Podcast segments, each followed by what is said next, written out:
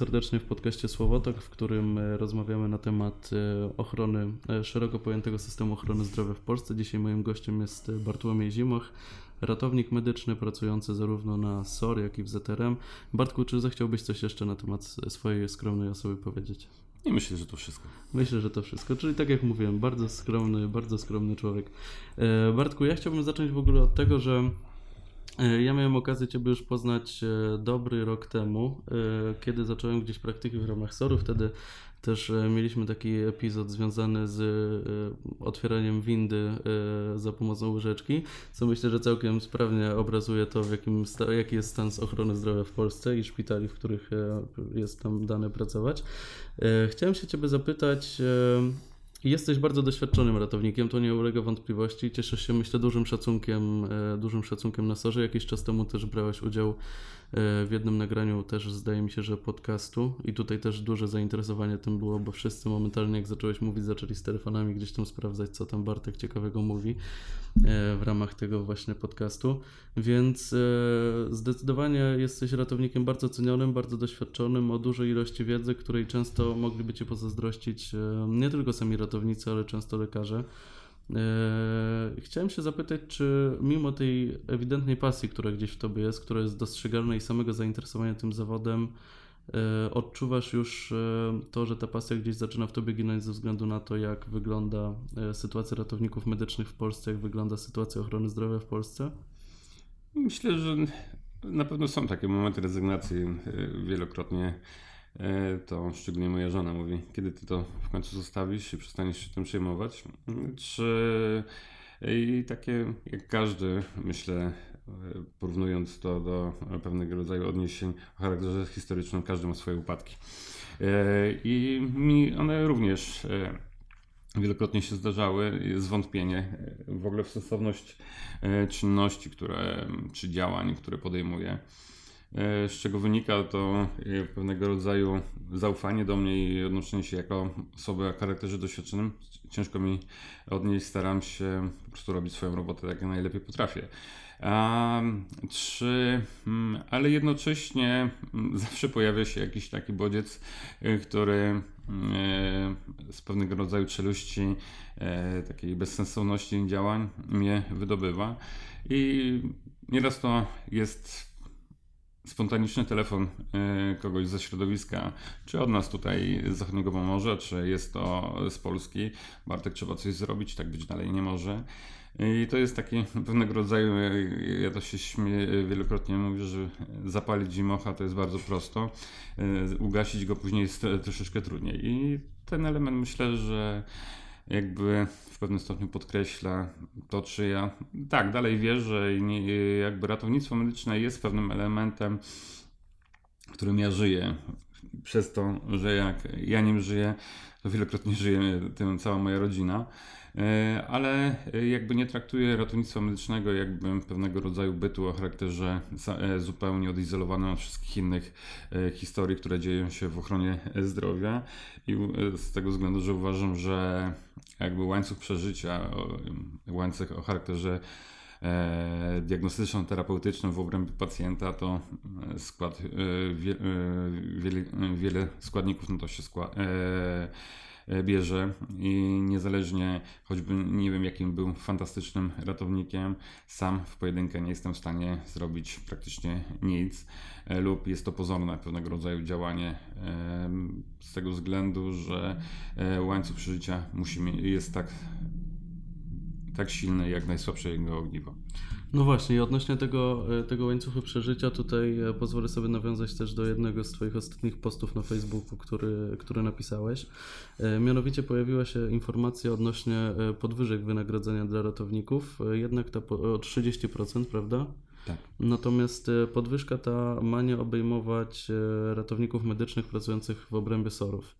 E, jakby sam pomysł wydaje się troszkę, troszkę absurdalny. E, czy ty w ogóle jakby masz jakiś pomysł, z czego mogłoby wynikać taki, taki kierunek? Czy w ogóle, czy ratownicy na sorach są jakby zapomniani, czy to jest jakby totalna nieświadomość władzy E, odnośnie, odnośnie samego systemu ratownictwa medycznego w Polsce, czy, czy faktycznie może e, praca na SOR-ach jest trochę łagodniejszą pracą niż praca w obrębie e, ZRM-ów, czy, czy w ogóle wiem, że to nie jest jakby pytanie do Ciebie, to tutaj władza najlepiej powinna się do tego odnieść, skąd się wziął taki pomysł, ale czy Ty masz jakiś no, ja, ja w tym wpisie w, pewnym, w, pewnym stopniu jakby do tego, do tego twojego pytania się odniosłem, tak? Również zadaję pytanie, e, co ma to na celu, mm, bo można jakby e, a propos działań e, władzy, można przyjąć dwa e, fronty, jeżeli chodzi o ich postępowanie. Jeden front to wiadomo, że e, od podpisania porozumienia ze Związkiem, Ogólnopolskim Związkiem Zawodowym Ratowników Medycznych e, minęło już praktycznie dwa tygodnie i decyzje pewnego rodzaju, które zostały na kanwie tego porozumienia, ministerstwo chce za wszelką cenę jak najszybciej wprowadzić, ponieważ występuje bardzo dużo elementów o charakterze legislacyjno-prawnym, na które powołują się pracodawcy. I dlaczego część porozumień z ratowników między ratownikami a pracodawcami nie jest zawierane i do tego ten pośpiech, pośpiech e, tak naprawdę w moim odczuciu głupi, e, krótkowzroczny, ponieważ jednocześnie e, z informacji, które ja posiadam na agendzie całego spotkania, o którym było podpisywane porozumienie, było odniesienie się do tego, że do rozmów na temat równowartościowego wzrostu wynagrodzeń dla ratowników całego systemu, czyli również szpitalnych oddziałów ratunkowych, centrów urazowych, jak i przyjęć niezbędnych dla funkcjonowania systemu.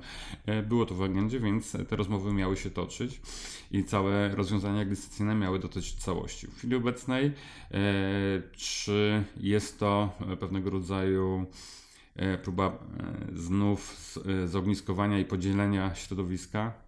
Mam nadzieję, że nie i nie chciałbym.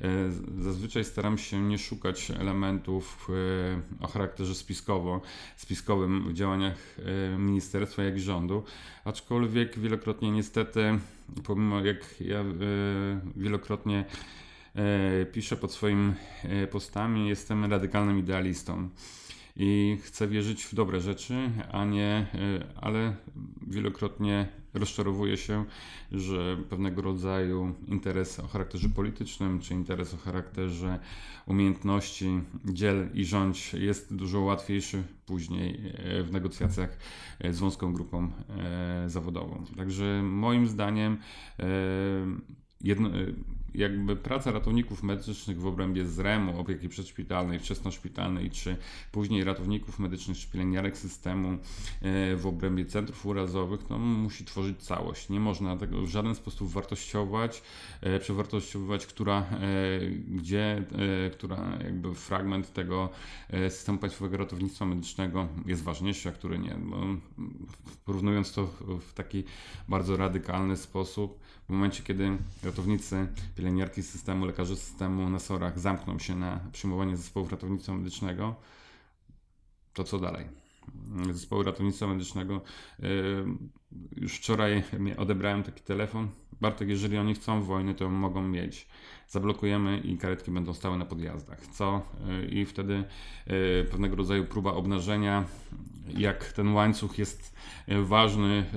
I ten łańcuch życia my uczymy na wszelkiego rodzaju zajęciach pierwszej pomocy, jak ten łańcuch przeżycia i ich ogniwa są istotne, że przerwanie jakiegokolwiek jego lub e, niedowartościowanie go, jakie niesie konsekwencje dla życia i zdrowia ludzi. I tu od wezwania pomocy poprzez wczesne e, rozpoczęcie uciskania klatki piersiowej, wczesną defibrylację, wezwanie pomocy zespołu ratownictwa medycznego i opiekę prostacyjną, e, te wszystkie elementy muszą e, się zapętlać i żaden z tych ogniw nie jest mniej ważny.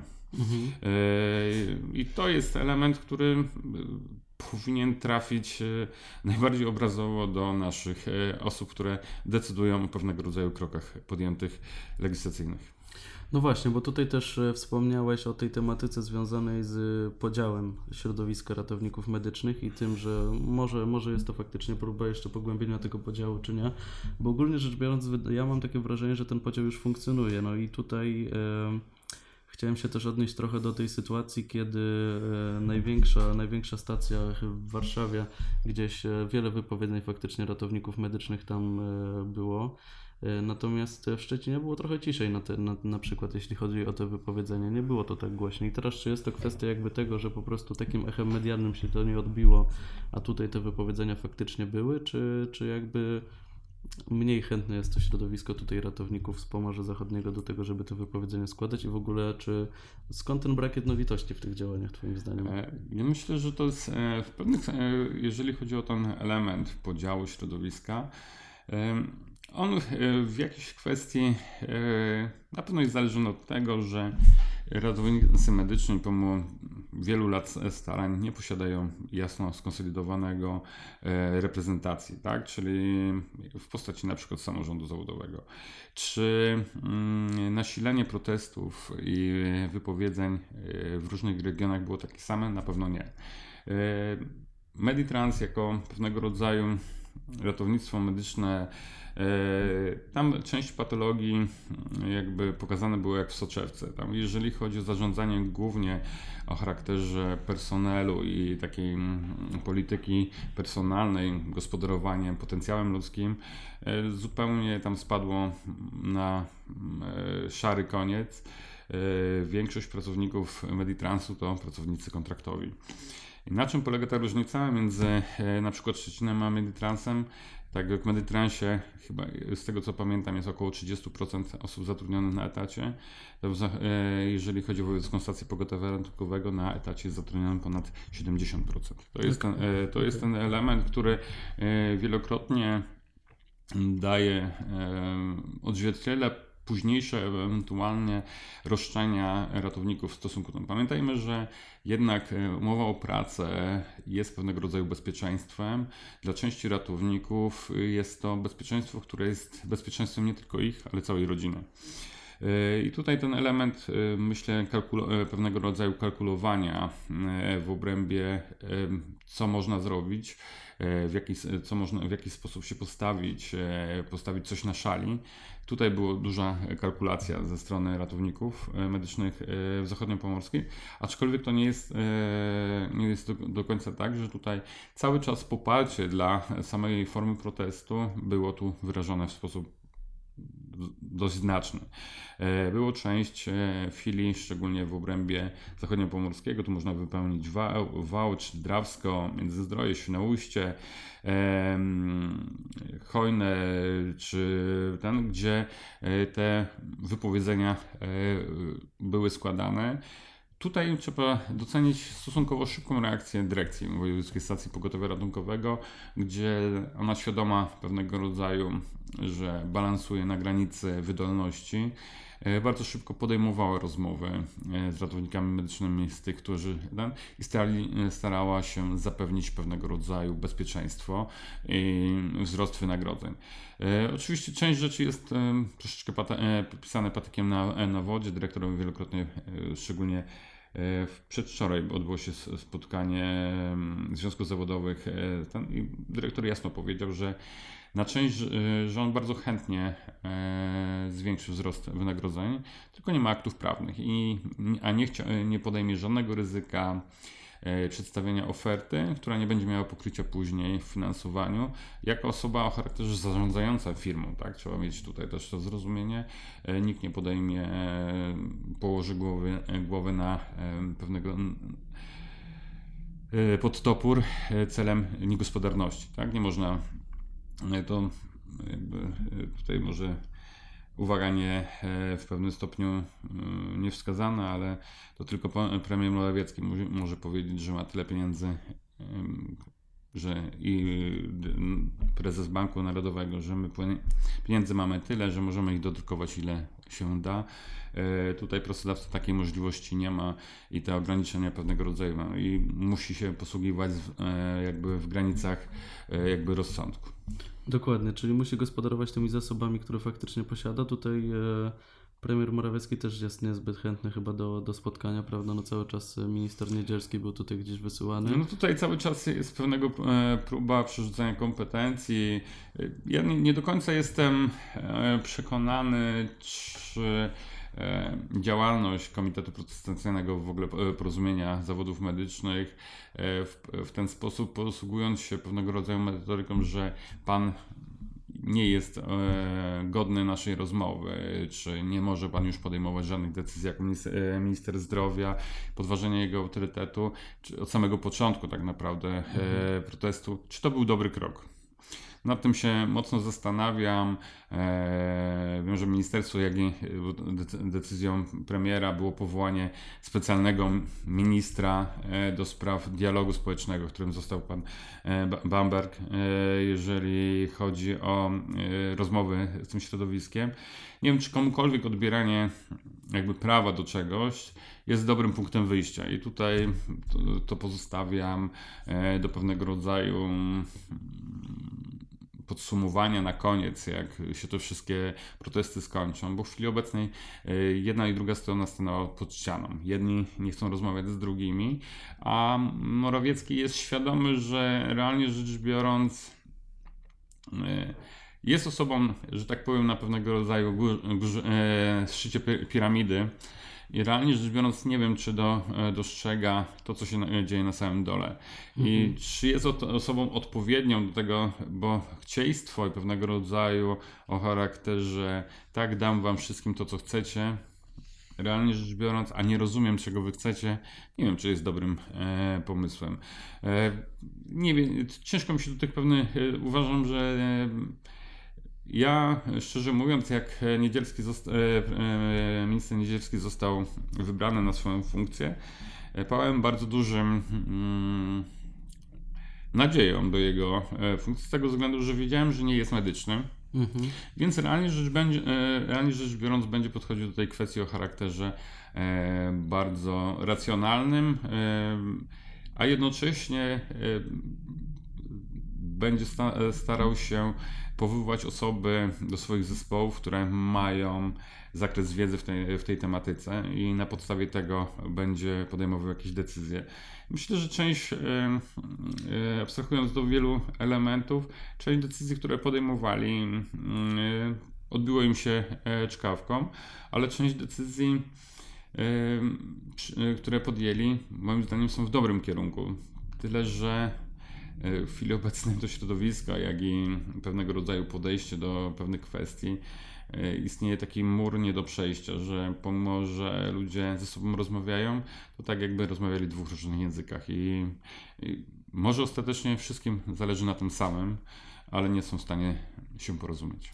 No właśnie, a czy w ogóle tutaj odnosząc się do, do protestu i do tej formy tego protestu, o czym wspomniałeś e, i sposobie jego prowadzenia, e, myślisz, że on ma jeszcze rację bytu i osiągnięcie jakiegoś sukcesu w tej formule, w której się odbywa? Bo tutaj spotkałem się z paroma komentarzami, na przykład e, że problemem jest to, że środowiska medyczne w przeciwieństwie do górników nie wyjdą na ulicę, nie zaczną palić opon, wiesz, i demonstrować w taki bardziej spektakularny sposób. I teraz zastanawiam się, czy faktycznie taka forma protestu przyniosłaby może, może efekty. Jeśli tak, to skąd brak takiej formy, brak takiej formy protestu?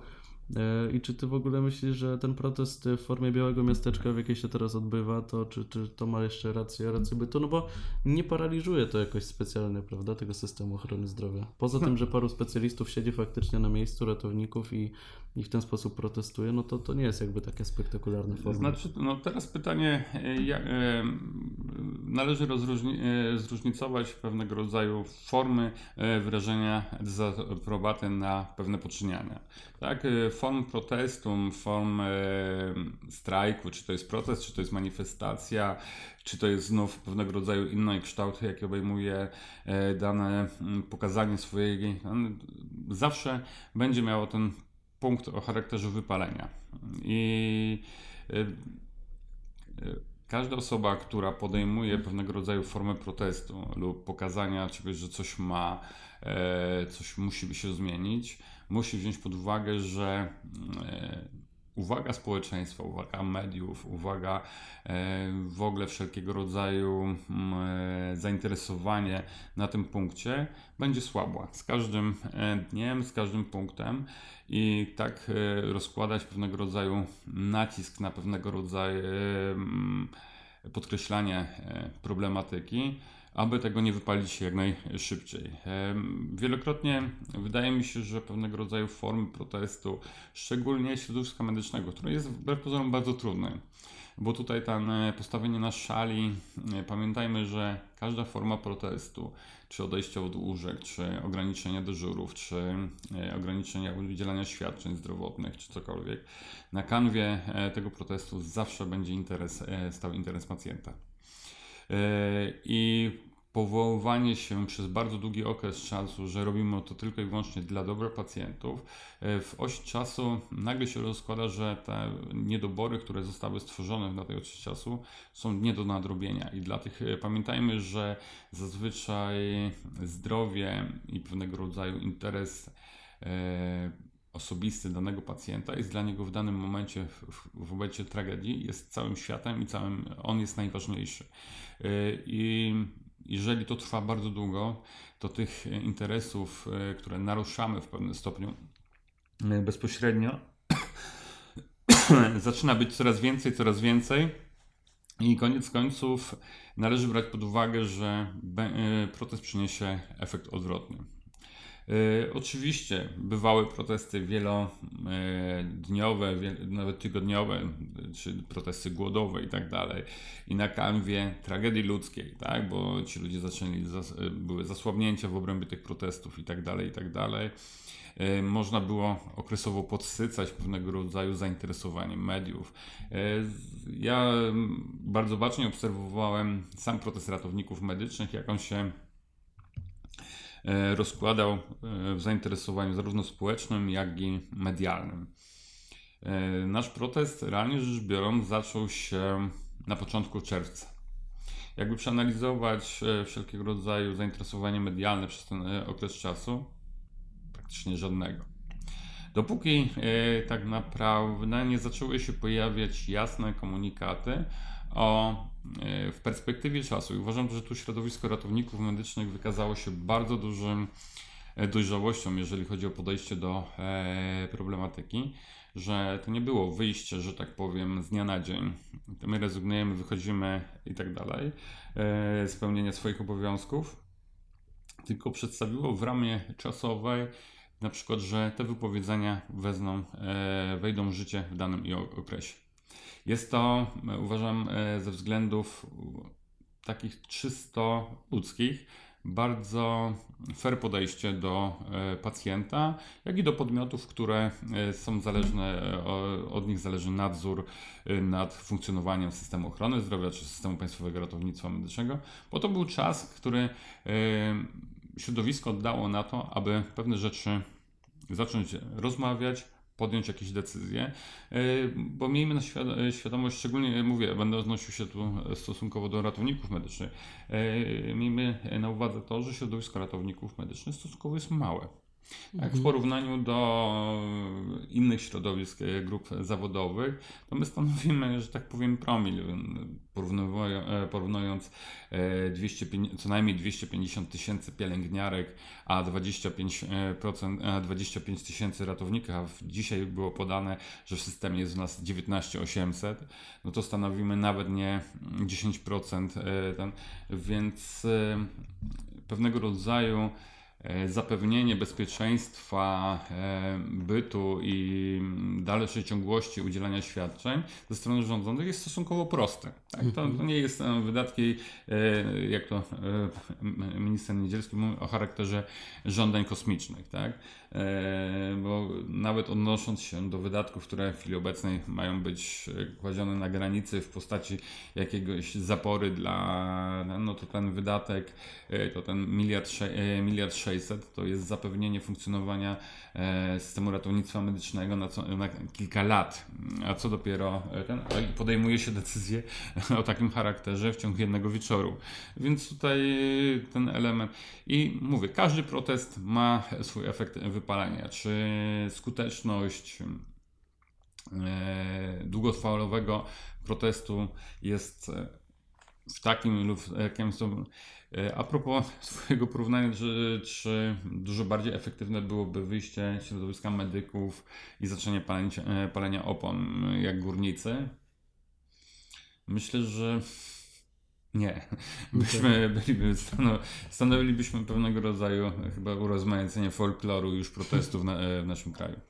No właśnie, bo y, też tutaj y, mam takie wrażenie, że y, obawiam się, że trochę po, od momentu rozpoczęcia pandemii i tego początkowego jakby zachwytu nad działaniami pracowników ochrony zdrowia, weszliśmy teraz trochę na ten, na ten drugi koniec tego kija, w którym ta niechęć coraz, jest coraz większa wobec zawodów medycznych. Nie wiem, czy też masz takie wrażenie, że jakby coraz większy, z coraz większą ilością hejtu się spotykamy. Teraz niedawno wystartowała taka kampania e, Wylecz Nienawiść, też nie wiem, czy, czy o niej słyszałeś. Tak, widziałem. Znaczy, e, ja powiem e, tak, Michał, że w pewnych kwestiach ja widzę, nie wiem, na osi swojego życia, że pewne rzeczy zataczają krąg. I a propos hejtu na medyków e, w obrębie pandemii, przypomnijmy sobie sam początek pandemii, hejt na medyków był tak samo duży. Mhm. E, pewnego rodzaju jakby każda fala e, epidemii w Polsce powoduje jakby, jakby ktoś nakręcał budzik od samego początku. Okay. Bo ja, tak jak rozmawiamy w dniu dzisiejszym tutaj, pamiętam jak dziś pełniłem dyżur w izolatorium na, na Piastów, jako nasz zespół akurat był w izolatorium, stacjonował i rozmawiałem, rozmawialiśmy w radiu właśnie o agresji wobec ratowników hejcie e, z panią doktor e, Śniewską, e, prezesem ogólno, ten, Okręgowej Izby Lekarskiej, jak i tam brały pani psycholog, brała udział w tej jakby w tym wiedzie, tej dyskusji radiowej. I wtedy też mówiliśmy pewnego rodzaju o charakterze. E, ja odwołałem się do takich bardzo radykalnych wspomnień w postaci e, że e, znaczenia ludzi. Tak? Ja widziałem tą kampanię, która pojawia się teraz. Ona równie, do, równie tak sama była na samym początku samej pandemii że były listy, było znakowanie mieszkań, było znakowanie dzieci, e, że jak trendowaci, czy e, ludzie z getta, tak? Kiedyś mhm. ja odwołałem się do tych przykrych i to wbrew pozorom później nagle e, ustało. Ludzie zobaczyli jakby to nasze poświęcenie.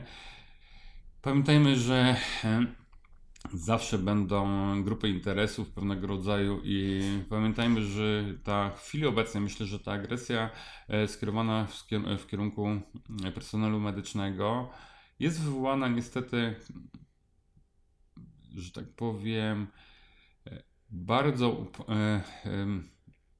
uporczywej pracy tej całej fali osób antyszczepionkowców, osób o charakterze, które podważają w ogóle sens tej pandemii, e, które podważają, które pewnego rodzaju teorie spiskowe. One przez okres jakby troszeczkę wygasania pandemii, czyli od maja e, do lipca, miały bardzo duże pole do manewru. One wielokrotnie obnażały pewnego rodzaju o, patrzcie, teraz już można wszystko robić i tak dalej, i tak dalej. Więc w ludziach zaczęli wzbudzać zwątpienie co do sensowności w ogóle i charakteru tej pandemii. E, I ludzie mają bardzo krótką pamięć i zapominają o tej tragedii, która miała miejsce kilka e, miesięcy wcześniej.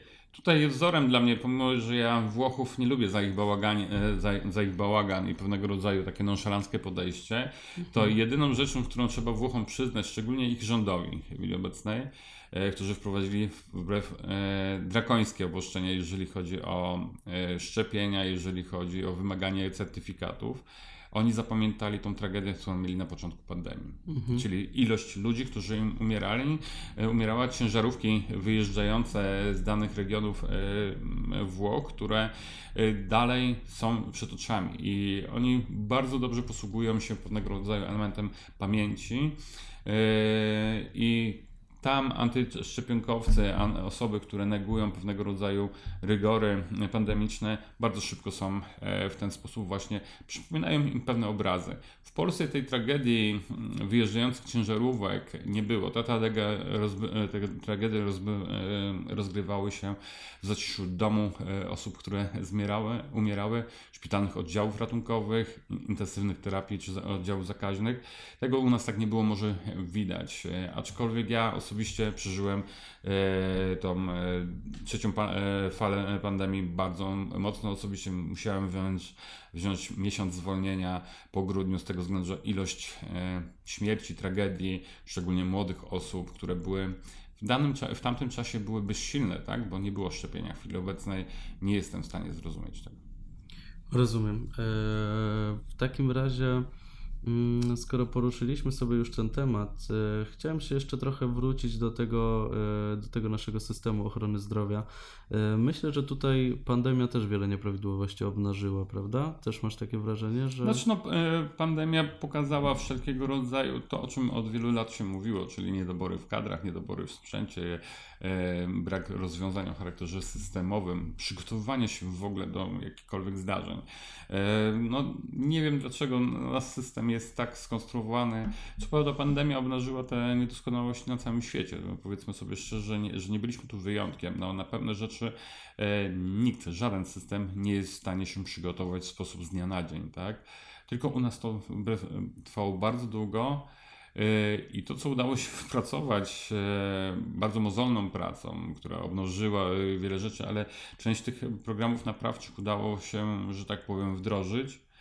Tuż e, jak zrobiło się troszeczkę luźniej, ludzie nagle zaczęli zapominać, że to funkcjonowało do tej pory. E, I z tych rozwiązań niestety nie korzystamy. E, Pewnego rodzaju tworzenie, no, rewelacyjną kwestią było próba zdeferyfikowania jakby sił i środków przenoszenia, ale zapominano, my robiliśmy, jakby zapominaliśmy o jednej zapominaliśmy o pacjencie po raz kolejny jako o całości. Zaczęliśmy walczyć e, w pewnym sensie na ślepo z pandemią. Ona e, zogniskowała cały wysiłek i zapomnieliśmy o tym, że ludzie chorują na inne choroby. E, I to, I to niestety przynosi skutki długofalowe, bo tak jak z pandemią walczymy tu i teraz, mamy pewną perspektywę walki z nią, tak z efektami pewnego rodzaju zaprzepaszczenia szansy, którą dane dla pacjentów z chorobami przewlekłymi, które się podczas pandemii zostały zaniedbane. To jest element, który będziemy bardzo długo nadrabiać i wszelkiego rodzaju próby w chwili obecnej kształtowania statystyk śmiertelności, na przykład strasznie mnie oburzył e, pewnego rodzaju e, wypowiedź e, ministra, e, tak, rzecznika e, prasowego Ministerstwa Zdrowia, który obciążył odpowiedzialnością za e, zwiększoną śmiertelność w obrębie SOR-ów zespoły ratownictwa medycznego. Tak jakby zespoły ratownictwa medycznego były tym jedynym ogniwem, które gwarantowały, e, gwarantują przeżycie lub nieprzeżycie. Nikt nie wziął pod uwagę, że te zespoły ratownictwa medycznego wielokrotnie e, były kierowane, e, wysyłane do pacjentów, którzy pozostawali bez opieki i niekoniecznie to byli pacjenci covidowi. My jeździliśmy do pacjentów z przewlekłymi niewydolnościami krążenia, którzy pozostawali bez jakiejkolwiek opieki lekarza rodzinnego, bez kontynuacji leczenia. E, Ludzie, e, którzy wielokrotnie nie mieli do kogo się w ogóle odnieść z jakąkolwiek problematyką. E, Były skrajne przypadki, że ludzie byli leczeni, że tak powiem, na ślepo poprzez konsul- telekonsultacje. Pacjenci byli niebadani. Później nawet pomimo pewnego rodzaju odwilży, jeżeli chodzi o pandemię, e, stało się to pewnego rodzaju metodą wygodną dla e, podstawowej opieki zdrowotnej i ci ludzie, my mówimy, ale nie, pani ma prawo do wizyty, e, jest pani w takim i w takim wieku, ma pani, e, e, wymaga pani konsultacji i tak dalej, i tak dalej. Ci ludzie nadal tam e, do tego, ten dostęp był ograniczony. E, Więc e, zrzucanie winy z jednej, oczywiście tyle e, porady, telekonsultacje to jest bardzo dobre rozwiązanie, ale nie możemy jakby znów e, ze skrajności w skrajność. Z każdej metody, z każdego dobrodziejstwa technologii musimy umieć korzystać w sposób rozsądny i e, próba przerzucenia się z, jednego, z jednej formy na drugą e, radykalnie, zero-jedynkowo nigdy nikomu nie przyniesie dobrego rezultatu. Czyli co, myślisz, że e, w najbliższych latach będziemy mieli też duży wysyp e, pacjentów onkologicznych, na przykład e, zaniedbanych właśnie przez badania profilaktyczne, których nie było zasadniczo przez Na- konsultacje? Znaczy, bardzo dużo elementów to ja e, już teraz nie chciałbym skłamać, z którym z otorolaryngologów u nas e, z klinik rozmawiałem. E, którzy właśnie poprzez to, że część zabiegów onkologicznych, e, w ogóle przyjęcia, przyjęcia planowe były e, zatrzymane, ani czy to byli chirurdzy szczękowi, że pacjentów, których kwalifikowali na przykład w styczniu do zabiegów o zmianę o charakterze e, złośliwym, ale e, które e, operacja gwarantowała praktycznie całkowite wyleczenie poprzez zamknięcie tej ścieżki, braku możliwości dostępu, e, pogłębienia diagnostyki, bo tam e, do części ty- tych ludzi wymagali jakby pogłębienia diagnostyki, aby bezpiecznie mogli przystąpić. E, Ci ludzie wracali po 8-9 miesiącach i zmiany były nieoperacyjne, zmiany były do leczenia paliatywnego. I to nie, wymaga jakby dłuższego, e, jakby, bo niestety choroba nowotworowa nie, nie ma w sobie nic takiego, że a poczekaj, no to ja poczekam, bo pandemia jest, tak? E, I większość chorób, to nie tylko chodzi o choroby onkologiczne, ale to na pewno będzie pogorszenie sytuacji, jeżeli chodzi o układ krążenia, e, ilość zawałów, mięśni, e, e, tak naprawdę osób, które przeszły zawały mięśnia sercowego e, dokonane, które ich nie zabiły, ale które po- powodują w chwili obecnej ciężkie niewydolności krążenia e, i ci pacjenci nie, nie, w danym momencie nie będą wyłapani. Świadomość e, społeczna, jeżeli chodzi o wszelkiego rodzaju e, zachorowalności, dbania o swoje zdrowie jest bardzo mała e, w naszym, w naszym społeczeństwie i ludzie dopiero, że tak powiem, jak leżą na deskach, mm, dopiero udają się po, po pomoc. Nie ma ten e, element profilaktyki, że tak powiem, panie Kowalski, pan nie był u mnie jako lekarza rodzinnego od trzech lat. Ja y, proszę pan, żeby- chciałbym pana zbadać, zaproponować panu podstawowy panel e, e, badań. To, że tak powiem, zdroworozsądkowo e, dla lekarza rodzinnego powinno stanowić to jakiś element, szczególnie jak do tej pory ten e, pacjent chorował, chorował i nagle mu znika jakby z pola widzenia. Nie wiem, następny proszę, nie, to tak nie, e, moim zdaniem tak nie powinno być. Jak i sam e, kształt e, całości leczenia. Pamiętajmy, że wydajemy na leczenie szpitalne, na leczenie specjalistyczne olbrzymie ilości pieniędzy i ten pacjent trafia po wyjściu ze szpitala w nicość. Nikt nie prowadzi jego dalszego programu o charakterze.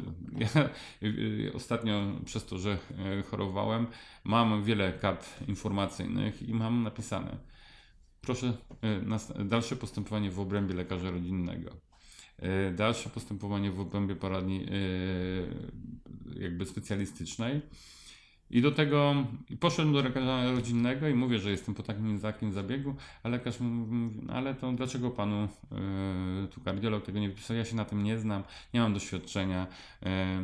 Co ja mam panu zrobić? No dobra, zwolnienie panu mogę przedłużyć. I to jest elem, e, te elementy jakby pewnego rodzaju kompleksowości w opiece, tak? E, tak samo jak ludzie są wypisywani e, po pobytach, e, nie wiem, e, w oddziałach intensywnej terapii i nikt im nie zapewnia realnie rzecz biorąc fizykoterapii, rehabilitacji, neurologopedów. To ten cały proces e, terapeutyczny, który odbywa się w ramach szpitala, nagle jest e, urywany ciężką, ciężkim toporem. I to nie wynika jakby ze złej woli mm, jakby tych lekarzy, którzy wypisują, ponieważ pewne ograniczenia pod względem przyjmowania e, ten, ale system nie pozwala jakby na kontynuowanie w sposób płynny, tak?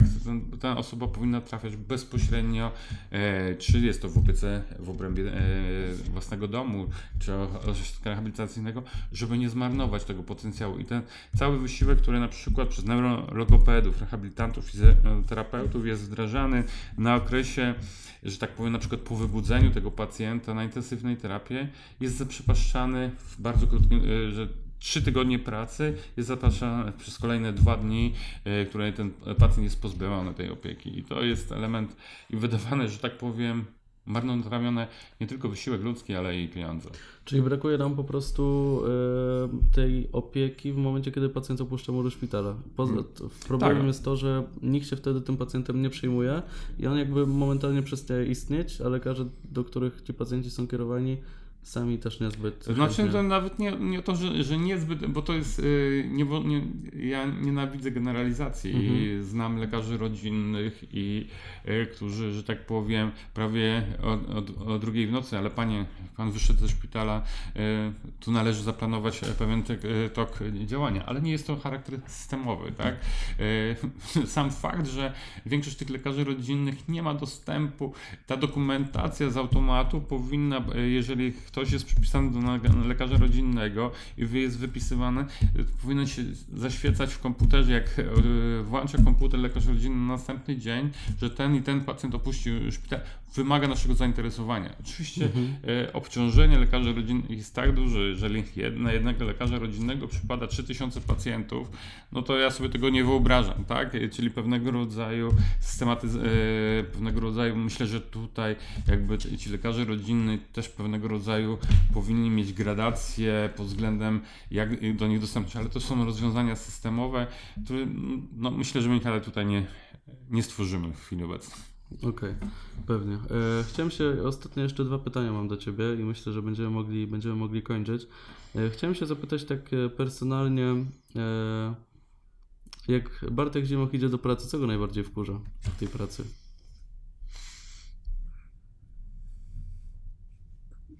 Co najbardziej go, go wkurza? No.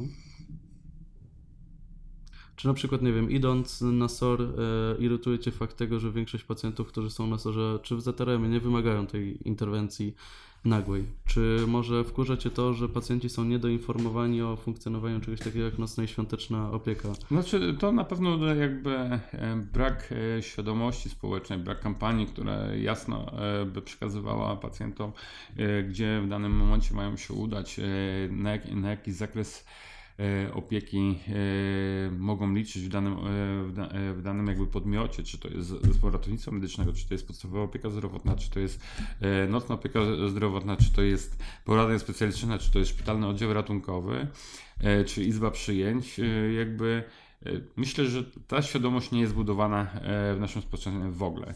I ludzie, e, ja już dawno przestałem się irytować tym, że zostaję wzywany, że tak powiem, do trzytygodniowej straczki. Z tego Mhm. względu, że jeśli ta osoba przez trzy tygodnie nie uzyskała jakiejkolwiek pomocy. I teraz pytanie, e, ja irytuję się, jeżeli uzyskuję, ale proszę pana, nie chciało mi się to okej, ale jeżeli, ale wielokrotnie, szczególnie w pandemii, e, to było obnażane w sposób, ale proszę pana, został pan, e, zostaliście ostatnią deską ratunku. Od trzech tygodni próbuję go skontaktować się z lekarzem rodzinnym, z pielęgniarką środowiskową, e, poszłam do apteki, próbowałem się leczyć ten, boję się pójść do szpitala, na szpitalny oddział ratunkowy. I ci ludzie zostawali tak naprawdę sami sobie. I ja wielokrotnie, jeżeli dyspozytor medyczny, e, jeżeli chodzi o zespół ratownictwa medycznego, zdecydował, że mam jechać, uważam go za fachowca i uważam, że powinien postępować zgodnie z procedurami, to ja tam powinienem się znaleźć. E, I tyle. A czy ja jedyną moją ratunkiem dla tej osoby będzie zrobienie herbaty w danym momencie, bo ta osoba jest samotna i tak dalej. Jakby nie uwłacza to mojej godności w żaden sposób i z tymi rzeczami już przestałem się, że tak powiem, irytować. Już jakby mit tego, że system ratownictwa medycznego służy do ratowania stanów nagłego zagrożenia życia? Jakby mam za sobą. E, stanowi jakby stan zagrożenia życia bezpośredniego i zdrowia. Myślę, że stanowi to około 20, może, e, może mniej procent naszych wezwań. Większość jest to jakby opieka nad pacjentami, którzy zostali pozostawieni sami sobie lub poprzez nieświadomość e, zupełną e, jakby działania systemu e, jest to tak, działa inaczej. U nas nie ma takiego czegoś jak telefon, gdzie ludzie mogą zadzwonić i dowiedzieć się, co dalej, co, mo- co należy zrobić. Nawet tego brakuje. To jest rzecz, która jest stosunkowo prosta, działająca na całym świecie. U nas do tego jest wykorzystywany e, numer alarmowy. I na numerze alarmowym trzeba mieć świadomość, że ci dyspozytorzy nie mają czasu na poświęcenie tej osobie takiego e, jakby dostatecznej ilości czasu, aby zebrać ten wywiad prawidłowo, aby móc się odnieść do pewnych kwestii, poradzić coś, ponieważ za chwilę e, dzwoni kolejny, kolejny, kolejny i te e, rozmowy, że tak powiem, uciekają, czas ucieka. Pamiętajmy, że te rozmowy są przełączane później do kolejnej dyspozytorni i tak dalej, i nagle do zawału mięśnia sercowego, który odbywa się w Polsce, czy, w Szczecinie, czy zatrzymania krążenia, dysponuje dyspozytor z Rzeszowa. Z tego względu, że to numer, bo ten dyspozytor udziela takiej informacji. Rozwiązaniem na całym świecie są tak zwane health information, które jakby nie, albo przełącza, jakby kieruje w, obrębie panującego systemu lub kieruje do osoby, która pełni dyżur o właśnie charakterze doradczym. U nas tego nie ma, więc jest e, e, taki tekst który pojawia się wielokrotnie w wypowiedziach dyspozytora, a to weź sobie diag diagnozuj przez telefon. I dyspozytorzy co robią? Yy, przyjedzie zespół, sprawdzi, poradzi i później tych zespołów brakuje. Jeżeli chodzi o szpitalny oddział ratunkowy, ja również już yy, część rzeczy, yy, jakby część pacjentów powodowało mnie jakąś frustrację, ale dlaczego pan nie poszedł tutaj, dlaczego pan się nie uda yy, tutaj, ale Później kilka razy ci pacjenci uświadomili mi jedną rzecz. Ale o co panu chodzi? Ja byłem w opiece nocnej świątecznej, odmówiono mi pomocy. Mhm. Byłem, e, byłem u tego, e, poszedłem do lekarza swojej podstawowej opieki powiedzieli, że nie ma numerku. Co ja mam zrobić?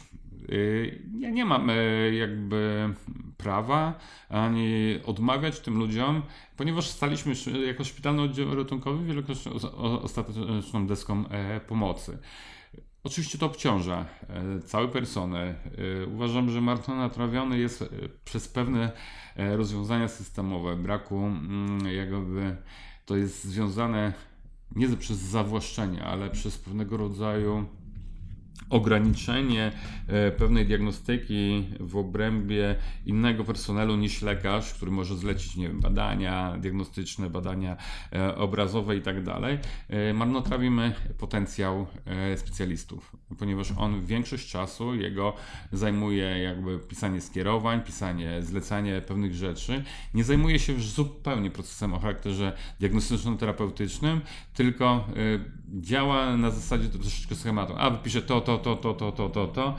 E, później jak to do mnie zejdzie, muszę to przeanalizować, później o kurczę, czegoś zapomniałem. W momencie y, uważam, że to można by było rozwiązać zupełnie w inny sposób. Mamy y, najlepiej wykwalifikowaną, uważam, kadrę personelu pielęgniarsko-ratowniczego na świecie y, pod względem y, samego wykształcenia i przygotowania do tego, że część tych rzeczy mogłoby się odbywać już na ten, a pewien materiał obrobiony mógłby trafić już do specjalisty. Uważam, że to jest marnotrawienie y, i to jest patrzenie jednego przez drugiego, a to ten musi to zrobić, dopiero jak ten to zrobi, to ja się zajmę do tego i ten pacjent jest tak naprawdę, dlatego pewne rzeczy są wydłużane jakby w tym systemie, te pobyty w szpitalnych oddziałach ratunkowych są do granic absurdu, e, rozszerzane.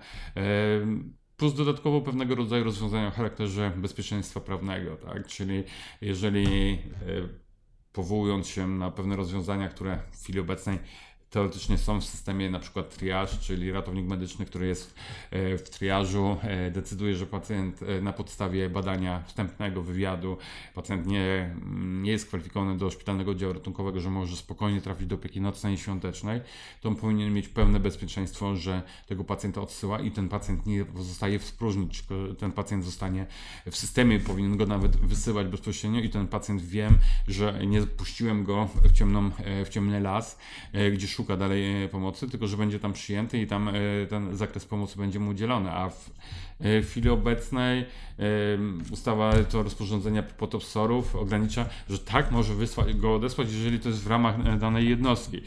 No to halo, no gdzieś albo mamy, kierujemy się jakimś zaufaniem, albo nie. Dokładnie. I ostatnie pytanie, które do Ciebie mam, e, takie, które myślę, że jest, e, daje pewną nadzieję na, na lepszą przyszłość. E, jest to, że pojawił się ten e, projekt e, ustawy, która w jakiś sposób normowałaby, normowałaby zawód ratownika medycznego.